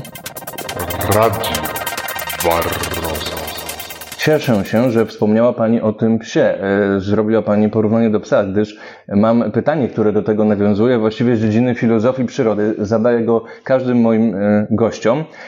Pytanie brzmi, czy uważają Panie gatunek pszczoły miodnej Apis mellifera za organizm udomowiony czy dziki? Trudne pytanie. Wiem, ale, ale ciekawe. Mhm. To znaczy, wydaje mi się, y, że mimo wszystko y, jest to gatunek dziki, a my go sobie trochę udomowiliśmy, można powiedzieć. Ale w sumie chyba nie jestem pewna. Więc tak, pszczoły zostały wciągnięte na listę zwierząt gospodarskich, ale moim zdaniem y, o tym, że są udomowione nie można powiedzieć, dlatego że przy, jeżeli się nie trzyma e, że tak powiem, tych zasad bezpieczeństwa, to y, one się nie będą zastanawiały, czy nas lubią, czy nie, e, i nas po prostu zarządlą. Poza tym też trzeba pamiętać o tym, że jednak pszczoła w sezonie robotnica no, żyje te cztery tygodnie i za chwilę tak naprawdę to już będą zupełnie inne pszczoły, więc tu sytuacja jest na tyle skomplikowana, że, że ja myślę, że udomowienie w ogóle rodzin pszczelich e, tak sensu stricte, jakbyśmy chcieli, jak nie wiem, psa, kota czy krowę, po prostu jest niemożliwe ze względów czysto biologicznych. Aczkolwiek jak najbardziej są to, tak jak mówiłam, zwierzęta gospodarskie, a te dwa terminy y, w tej chwili są zupełnie tak naprawdę odrębne. Okej, okay, dziękuję za odpowiedź. Zbieram sobie te różne opinie i zobaczymy, jak będę miał 100 odcinków, co mi, co mi wyjdzie. Różni naukowcy i różni pszczelarze mają różne swoje zdania, e, ale w takim razie, bazując na tym, co Panie powiedziały, czy w takim razie porównywanie tego do psa jest yy, zasadne? No, mam nadzieję, że obrazowo to przedstawiłam, to porównanie i nikt yy, nie zrozumie go źle. Myślę, że na poziomie takim, że my jako pszczelarze jesteśmy odpowiedzialni za swoje zwierzęta i ktoś jako posiadacz psa jest odpowiedzialny za swojego psa, to tutaj jakby można nieco postawić na równi po prostu. Okej, okay, to ja może powiem e, trochę moje zdanie. Pasiece rzeczywiście e, przychylałbym się do Pani wypowiedzi. Natomiast idę sobie lasem, widzę gniazdo pszczoły. Nie zastanawiam się, czy ta pszczoła uciekła z pasieki, czy nie, czy ma jakieś tam geny dzikie. Widzę obok mrowisko i traktuję te zwierzęta podobnie. Czyli jakby odpowiedzialność jest mniejsza. Nie zastanawiam się, czy te mrówki są na przykład głodne, czy nie, czy cierpią na jakąś chorobę. To, co pani powiedziała, że jednak ta opieka i odpowiedzialność y, łączy się też z odpowiedzialnością. I stąd y, to pytanie o dzikość i udomowienie ma jakiś taki głębszy sens. Mhm. No tak, coś w tym jest ale no, pszczoły, które są w lesie, no, nie są, nie są nasze, tak? To prawda, ale są takie opinie, że i takie pszczoły należy kontrolować. No ja się z tym zgadzam. To by wychodziło, że jednak wtedy nie są takie jak mrówki. No pytanie, czyja, czyj to jest, y, czyj to jest rój, tak? Prawdopodobnie czyjś jest. Sama pani wspomniała, że, że wtedy one nie mają właściciela, więc niczej. Ja nie wiem, czy one nie mają właściciela. Nie mam pojęcia, czy, czyje są W to sumie po pszczoły. trzech dniach tracą właściciela. No tak, no pewnie tak. E, Ja bym może nie traktowała pszczół z dziupli, e, tak samo jak mrówek. E, Ja wiem, że ja to mówię z pozycji apipatologa, ale takie pszczoły w dziupli tak naprawdę, y, no, każdy pszczelarz, który ma takie gdzieś tam obok, to powinien się ich bać, prawdę mówiąc, dlatego że one zwykle są niestety roznosicielami chorób. Poza tym, czyli są jakby, wiem jak to zabrzmi, ale są zagrożeniem dla pasieki, która jest powiedzmy gdzieś tam obok. A my hodujemy te pszczoły, żeby coś z nich mieć, prawda? Natomiast no, jak mrówki są gdzieś tam w lesie, zostawiamy w spokoju, dlatego że nam nie przeszkadzają, ale jak nam wejdą do domu, e, no to już też chcemy się ich pozbyć. Ja wiem, że to akurat jest w drugą stronę. Nie dbamy tutaj o takie zwierzęta, tylko chcemy się wręcz ich pozbyć czasami. No, niektórzy łapią rójki, e, co się bardzo różnie kończy, ale, ale myślę, że jak najbardziej my tymi pszczołami powinniśmy się zajmować, ponieważ no, y, one nam w pewnym sensie tak naprawdę wchodzą na naszą pasiekę, ponieważ y, nie ma możliwości, że jeżeli są gdzieś blisko siebie, powiedzmy te pszczoły z dziupli i, i pszczoły w pasiece, nie ma możliwości, żeby one się nie zatknęły w pewnym momencie gdzieś, gdzie jest na przykład jakiś większy pożytek i wtedy to dzielenie patogenami tak naprawdę yy, nastąpi. A już jak wchodzimy na temat mrówek, to niestety mrówki też chorują na pszczele choroby, chociażby na chroniczny paraliż. E, więc nawet takie pszczoły z dziupli, pod którą jest mrowisko, też mogą tym biednym mrówkom zaszkodzić. Barroza. W takim razie zadaję następne pytanie, które też zahacza o filozofię przyrody. Czy organizm mm, Varroa destructor, polska nazwa dręcz pszczeli, może być dla Pań pięknym organizmem wartym podziwu? I czy jest to niewykluczone w związku z wykonywanym zawodem przez Panie? Y, Nie nazwałabym warozy y, pięknym organizmem i tutaj wypowiadam się jako bardziej, jako pszczelarz, ale też jako lekarz weterynarii. No raczej spędza mi ona sens y, powiek i jej po prostu nie lubię. Natomiast z drugiej strony, biorąc pod uwagę, jakie ona ma mechanizmy przetrwania jak się szybko i skutecznie zmienia, to rzeczywiście można jakiś delikatny y, podziw nad nią mieć. Ale, ale raczej to jest wszystko okalane negatywnymi emocjami, także niestety osobiście jej mocno nie lubię. Ja zgadzam się w 100% ze wszystkim, co doktor Mazur powiedziała, chociaż ze strony jakby mm, naukowej uważam, że to jest y, bardzo ciekawy organizm, naprawdę bardzo, jakby wiele jest aspektów, których tak naprawdę my do końca jeszcze nie rozumiemy i nawet czasami nie potrafimy zbadać, ponieważ y, tutaj ewolucja tak naprawdę tego pasożyta jest zadziwiająca i bardzo, bardzo wielokierunkowa. Dlatego między innymi właśnie on stanowi taki ogromny problem, bo my uczymy się z nim walczyć jakimś, nie wiem, na przykład jednym środkiem albo sposobem i za chwilę się okazuje, że on po prostu już nie działa. I pod względem naukowym to jest naprawdę fascynujące, bo jest co badać, ale pod względem jakby mm, tym naszym weterynaryjnym czy pszczelarskim, no to to jest absolutna katastrofa. Dlatego, że mm, to jest przeciwnik, e, z którym przez 40 lat naprawdę bardzo intensywnych badań i walki nam się wygrać nie udało, nawet nie, nie było remisu. Barroza.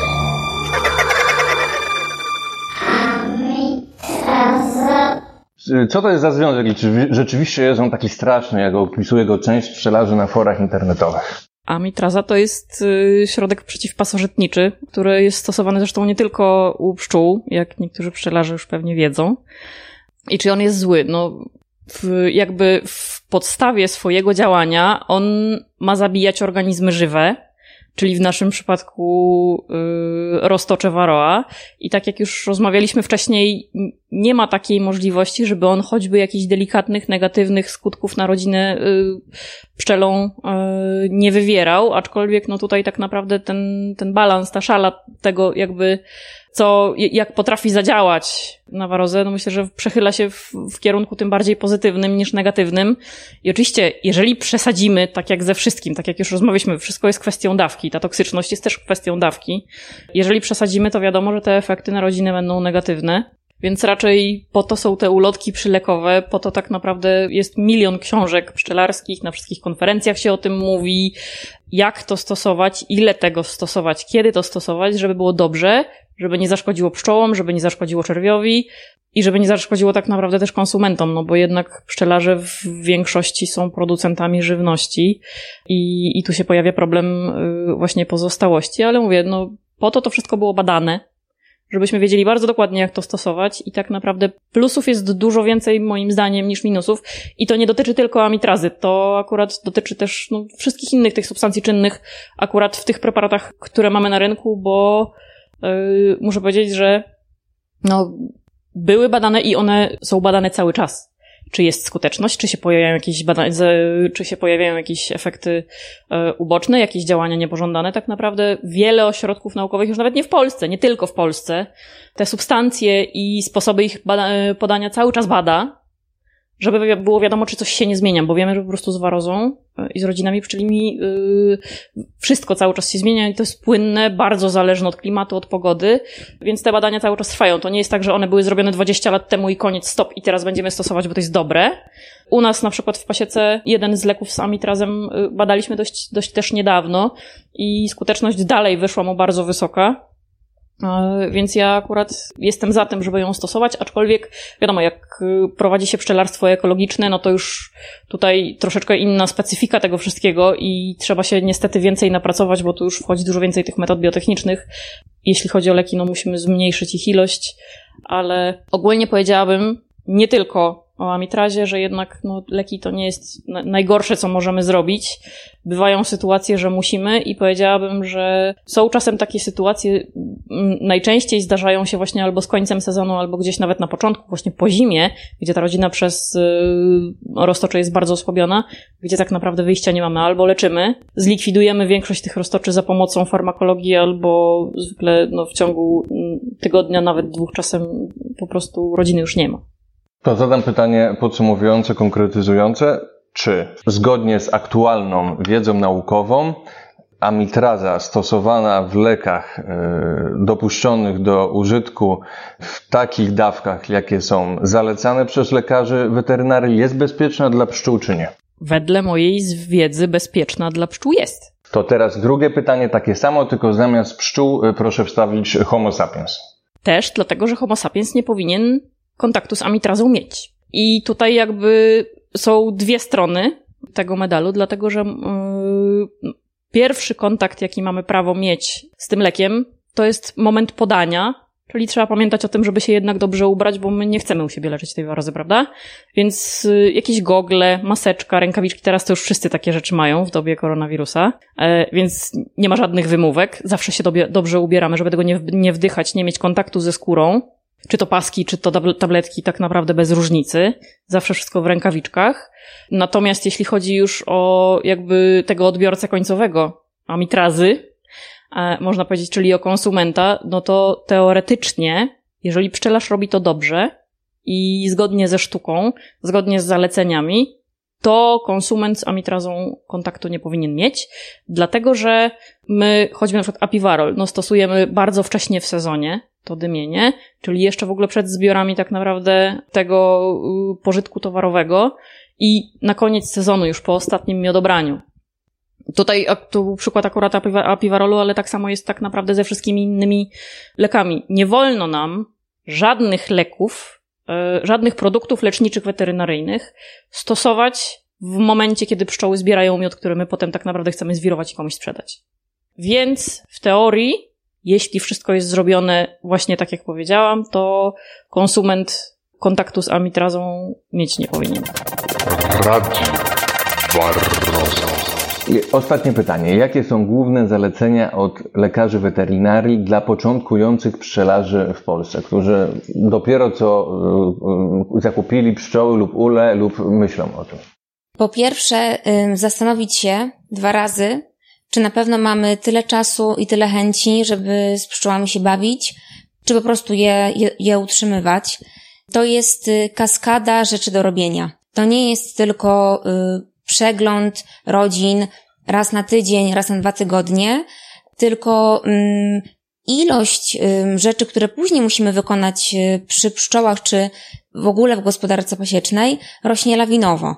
To jest później topienie starej woszczyny, pozyskiwanie oczywiście miodu, mycie miodarki, za tym idzie i tak dalej, i tak dalej. Czas, który poświęcamy później pszczołom naprawdę się szybko mnoży.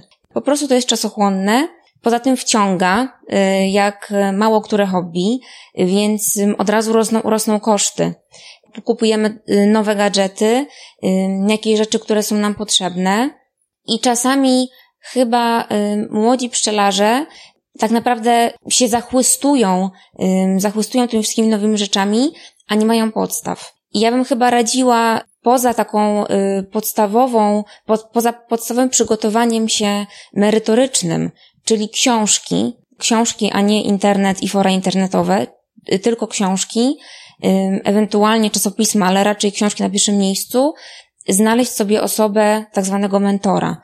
Bo jeżeli ktoś praktycznie nam nie pokaże wielu rzeczy, będzie nam bardzo trudno samemu do tego dojść, tak? Już, no zacznijmy od podstaw. Odróżnienie czerwiu pszczelego trutowego, od mateczników, znalezienie matki i obserwacja tych pszczół i takie podstawowe działania. To, to, nie, to nie są łatwe rzeczy, tak? Naprawdę trzeba się tego nauczyć.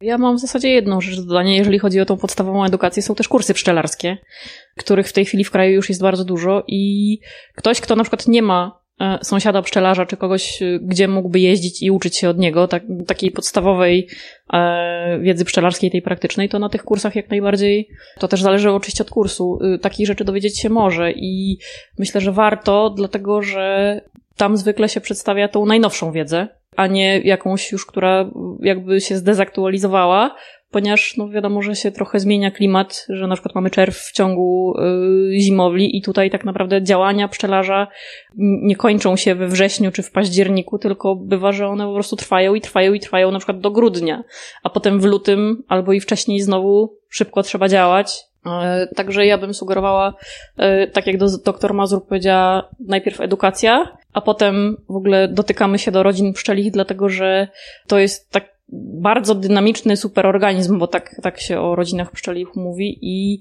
nawet drobnymi działaniami można im szybko zrobić krzywdę, no to nie po to trzymamy pszczoły. I jeszcze coś warto dodać. Drodzy pszczelarze, nie bójcie się lekarzy weterynarii. Naprawdę nie gryziemy, tylko chcemy pomagać i leczmy pszczoły jakby u specjalistów, a nie na forach internetowych. Taki apel. Jesteśmy tutaj dla Was, więc polecamy się. Zresztą hmm, chyba słychać, że naprawdę trudno o bardziej sympatycznych lekarzy weterynarii niż, niż z którymi właśnie mamy przyjemność mieć teraz do czynienia. Dziękujemy. Czy na koniec mają coś Panie od siebie, mm, coś do dodania dla moich słuchaczy? Y, to może być zupełnie dowolna kwestia to chyba to przed, sprzed chwili, mm, żebyśmy częściej się kontaktowali ze specjalistami po prostu. Naprawdę jest nas garstka, ale jest nadal i, i chcemy. Właśnie, bo a propos tej garstki lekarzy weterynarii, którzy się pszczołami zajmują, to gros nas ma specjalizację w tym konkretnym kierunku, dlatego że y, takie kursy specjalistyczne właśnie dla lekarzy weterynarii po studiach u nas w kraju są i słyszałam kiedyś takie głosy, że no tak, ale jest was pewnie z dziewięciu, no nie, no jest nas co najmniej kilkudziesięciu, przynajmniej z jakby tych nowych, dlatego że te kursy cały czas trwają, właśnie jeden się kończy, za chwilę będzie otwierał pewnie się następny. No i oczywiście jest jeszcze ta stara szkoła lekarzy weterynarii, e, którzy też te kursy gdzieś tam wcześniej przechodzili, także jesteśmy, tylko trzeba nas czasami poszukać, ale tak jak, jak doktor Mazur powiedziała, bardzo warto bo y, no, to są jednak zwierzęta i, i czasami warto na taką kontrolę lekarską iść. Dziękuję w takim razie Paniom za wywiad. Moimi gośćmi byli e, Pani lekarz weterynarii Ewa Mazur i Pani lekarz weterynarii dr Anna Gajta. Dziękujemy również. Dziękujemy. Dziękuję za wysłuchanie tego odcinka. Zajrzyj na stronę www.waroza.pl. Tam, poza opisami i ilustracjami odcinków podcastu, artykułami i wpisami na bloga, znajdziesz przydatne linki do słuchania i subskrypcji podcastu w aplikacjach strumieniowych. Jeżeli spodobał się Tobie ten odcinek, to proszę, wystaw pozytywną opinię i komentarz, polub, daj łapkę w górę czy suba, a nawet udostępnij go w mediach społecznościowych. Dzięki temu dowiedzą się o nim inni, ale mi też dasz większą motywację, aby podcast trwał i rozwijał się dalej podziękowaniu możesz postawić mi dobrą kawę, piwo lub czekoladę. Jeżeli podoba się Tobie ten podcast generalnie i chcesz przyczynić się do jego regularnego rozwoju, możesz wspierać mnie comiesięczną małą wpłatą, na przykład przez portal Patronite, ale nie tylko. Jeżeli nie chcesz być wymieniona lub wymieniony w podziękowaniu, to zaznacz opcję anonimowo. Linki do konta wpłat oraz wsparcia znajdują się po prawej na stronie www.waroza.pl. Tak czy owak, podcast zawsze dla wszystkich pozostanie darmowy. Wkrótce następny odcinek. Radio Barroza.